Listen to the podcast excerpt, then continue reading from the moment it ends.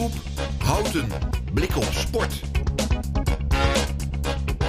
Mag ik uw gebit even zien? Ja, ja. Hij ging mee op de Galibier, reed alleen over de Marolène en heeft een fantastische solo afgeleverd. Gele trui over de finish. Juichen en wel. Mathieu van der Poel! Wat was het een eh, spektakel eh, gisteren in de etappe waar Hindley uiteindelijk eh, de etappe won en uh, Vinkegaard een uh, ruime minuut pakte op, uh, op. Vandaag gaan we het nabespreken met Frans Hovijn, elite-renner uit Houten, het hoogste amateurniveau. We hebben weer een column van Jorren, de quiz. En we blikken ook even vooruit op de dag van vandaag waar we over de Col en de Col de Tourmalet gaan met ook Frans. Veel luisterplezier. We hebben, uh, we hebben een nieuwe gast, Frans Hovijn. Uh, welkom. Bedankt.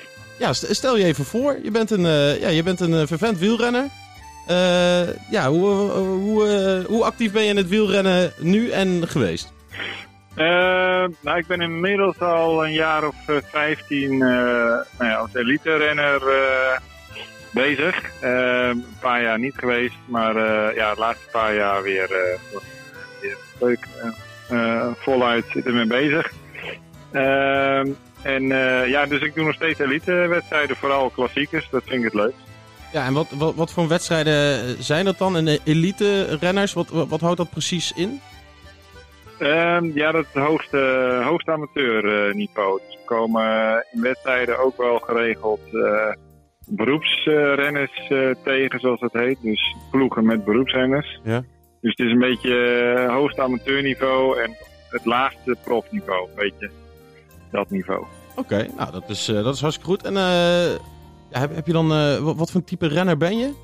Um, ja, ik ben, ben vooral, tegenwoordig zie ik mezelf vooral als een, als een knecht. Dus okay. ik, ik, ja, ik rij eigenlijk alle, de meeste wedstrijden gewoon uit, de meeste klassiekers. Uh, en uh, nou ja, dat is op, ons niveau is dat uh, al, al, best wel prima dat je dus wedstrijden uitrijdt, überhaupt. Want het gaat gewoon keihard en bovendien word je veel sneller uit, uit koers gehaald dan op, op het hoogste profniveau. Ehm, maar goed, dus dat gaat me best wel goed af. En, en verder vind ik het dus leuk om ploeggenoten te helpen als dat mogelijk is. Dus uh, af en toe is een ploeggenoot naar voren te brengen in het peloton. Of nou ja, uh, af en toe, heel af en toe zit ik wel eens in een kopgroep. Beetje dat werk. Dus, maar uh, ik, ben, ik ben niet een echte goede afmaker of, of een klimmer. Of, ik ben iets meer, qua karakter, iets meer een waaierrijder eigenlijk. Oh, kijk, een waaierrijder. Dat, daar kunnen we het later ook nog wel een keer over hebben. Want als je dan, ja. Ja, als je zegt van, nou, ik, ik ben voornamelijk een knecht. Wie, wie was gisteren ja. dan de beste knecht? Wie heeft echt uh, uh, ja, het vuur aan de schenen gereden voor, uh, voor zijn kopman gisteren? Ja, dat, dat zijn natuurlijk best wel veel van, van UAE, maar ook van, van Jumbo natuurlijk. Ik bedoel, uiteindelijk was ja, Sepp Kuss was uiteindelijk het langste nog aanwezig daarvoor in.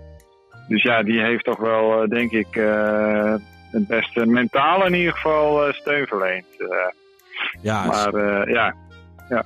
Ja, nee, zeker. Die ging, die ging op het eind, bleef die lang doorgaan. Want ja. ja. even over de, de etappe van gisteren gebeurde natuurlijk heel veel. wat, ja. wat viel je het meest op of wat verraste je? Ja, dat, dat Vingegaard natuurlijk zo'n verschil kon maken in één keer met Pogacar. Er was natuurlijk al vooraf al wel verwacht, de verwachting dat Pogacar in het begin van de Tour nog wat, uh, wat minder uh, zou zijn. Ja. Uh, maar dat het zo duidelijk ook in één keer in deze etappe al zou zijn, dat had ik echt niet verwacht. nee. Nee, nee, want dus dat, vond ik, dat vond ik een hele mooie verrassing. Ja, leuke verrassing. Ja. ja, een leuke verrassing, want de, de, je staat achter Jumbo, hè?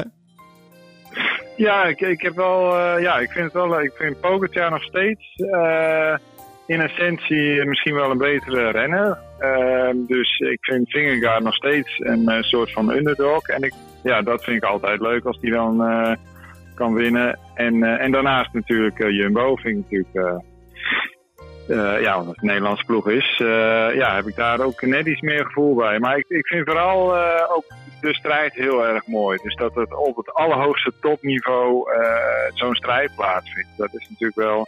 En dat dat ook met tactiek en alles. dus eventueel gewonnen kan worden. Dat vind ik helemaal. Het hele spel wat er nodig is in het wielrennen. Dat moet uit de kas worden getrokken om te gaan winnen. En dat, dat vind ik wel. dat vind ik heel mooi om te zien. Ja, want wel- welk tactisch eh, stukje vond je gisteren heel erg mooi om, om te merken? Ja, nou, gisteren was, dan, was het dan wat eenvoudiger. Maar eh, ja, Van Aert die, eh, zat natuurlijk goed voorin. Maar ja, ze hadden dan weer de, pech dat die Hindley er ook bij zat. Waardoor het allemaal weer niet zo'n grote afstand kon worden. En ja, daardoor kon Van Aert ook weer weinig knechtenwerk verrichten ehm, voor de Fingerguard. Maar ja, eh, op zich was dat natuurlijk wel weer een tactisch eh, tactische zet eigenlijk. Maar eh, ver- verder was er gisteren niet zo, eh, ja, wat dat betreft verrassends eh, bezig. Maar, maar vooral wel gewoon een hele sterke Vingegaard. Ja, eh, zeker, absoluut. We hebben natuurlijk ruim, eh, ruim een minuut gepakt, dus dat is, eh, dat is, dat is eh, ongelooflijk.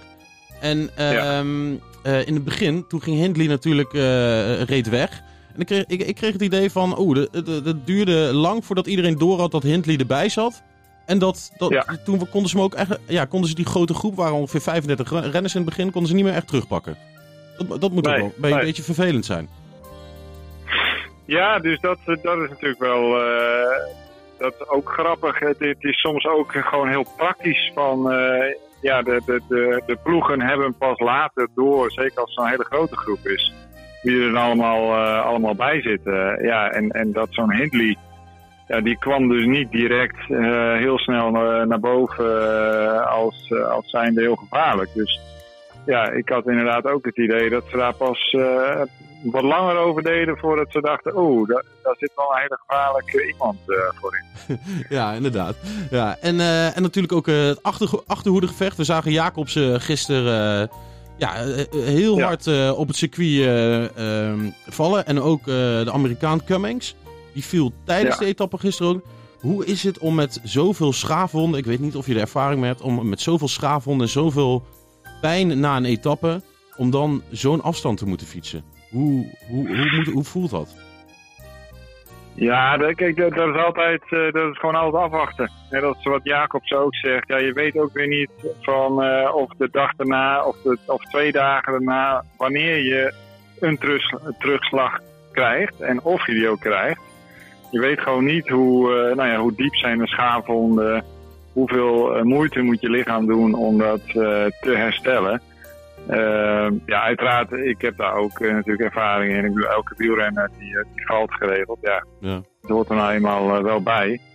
Eh, maar ja, in hoeverre je daar dus last van hebt. Ja, soms heb je nou na twee, drie dagen een, een beetje koortsachtig iets. Dan zit er toch veel meer ontsteking nog onder je huid of in je lichaam dan, ja, dan goed is om op topniveau te presteren. Maar ja, soms heb je ook geluk dat het eh, ja, goed schoon is gebleven. Dat het niet al te diepe schaafwonden zijn.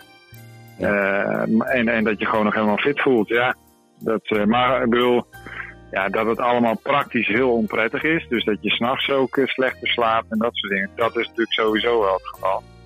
Ja. Maar in hoeverre je dat allemaal merkt tijdens het fietsen, ja, dat is de vraag. Ja, want dat, dat gaf hij ook duidelijk aan. eh Jacob had een hele slechte nacht gehad. Maar hij heeft het uiteindelijk gehaald. Dus dat is, eh, dat is, eh, dat is eh, Ja. goed nieuws. Ehm, Ja. ja, dan zijn we wel even bij de, bij de nabeschouwing zijn we, zijn we wel klaar. Bedankt Frans. Ja. We gaan door met de column van Jorn. Ik hou mijn hart vast. To afdalen or not to afdalen? That's the question. Op deze Shakespeareaanse vraag heeft de Tour de France organisatie de afgelopen weken zitten dubben. Na het overlijden van Gino Meder in de Ronde van Zwitserland kwam de discussie voor veiligheid in het peloton weer op gang. Met name rennersvakbond CPA roerde zijn staart.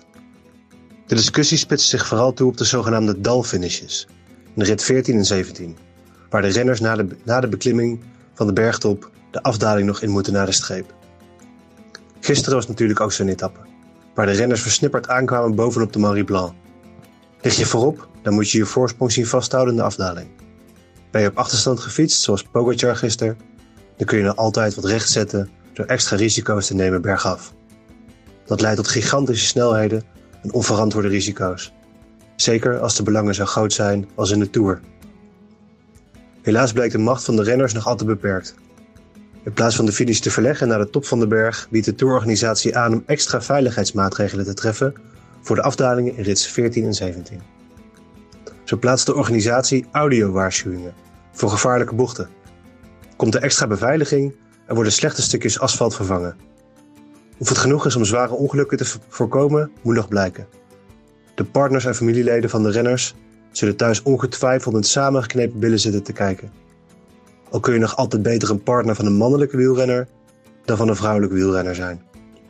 De veiligheid in het vrouwenpeloton is namelijk beneden alle pijl. Zo reden er in juni bij de Tour de Pyrénées doodleuk tegemoetkomende auto's op het parcours. In de Giro Donne in Italië reed momenteel het vrouwenpeloton in de eerste grote ronde van het jaar. En daar bleek maar weer dat de veilig parcours uittekenen niet afdoende is om ongelukken te voorkomen. Oeskar Sigard, de vriendin van Pogacar, reed gisteren tegen een andere renster op en viel, waarbij ze waarschijnlijk een hersenschudding opliep. Na afloop bleek dat Pogacar zijn prioriteiten helder heeft. Hij relativeerde zijn minutijdverlies en sprak zijn bezorgdheid uit over de gezondheid van zijn vriendin.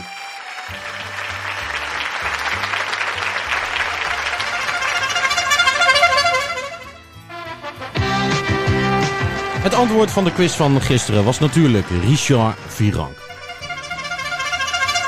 En dan gaan we door met een uh, nieuwe quiz. Hij werd prof in 1997, reed 10 keer de Tour de France, won drie etappes en won één keer het bergklassement.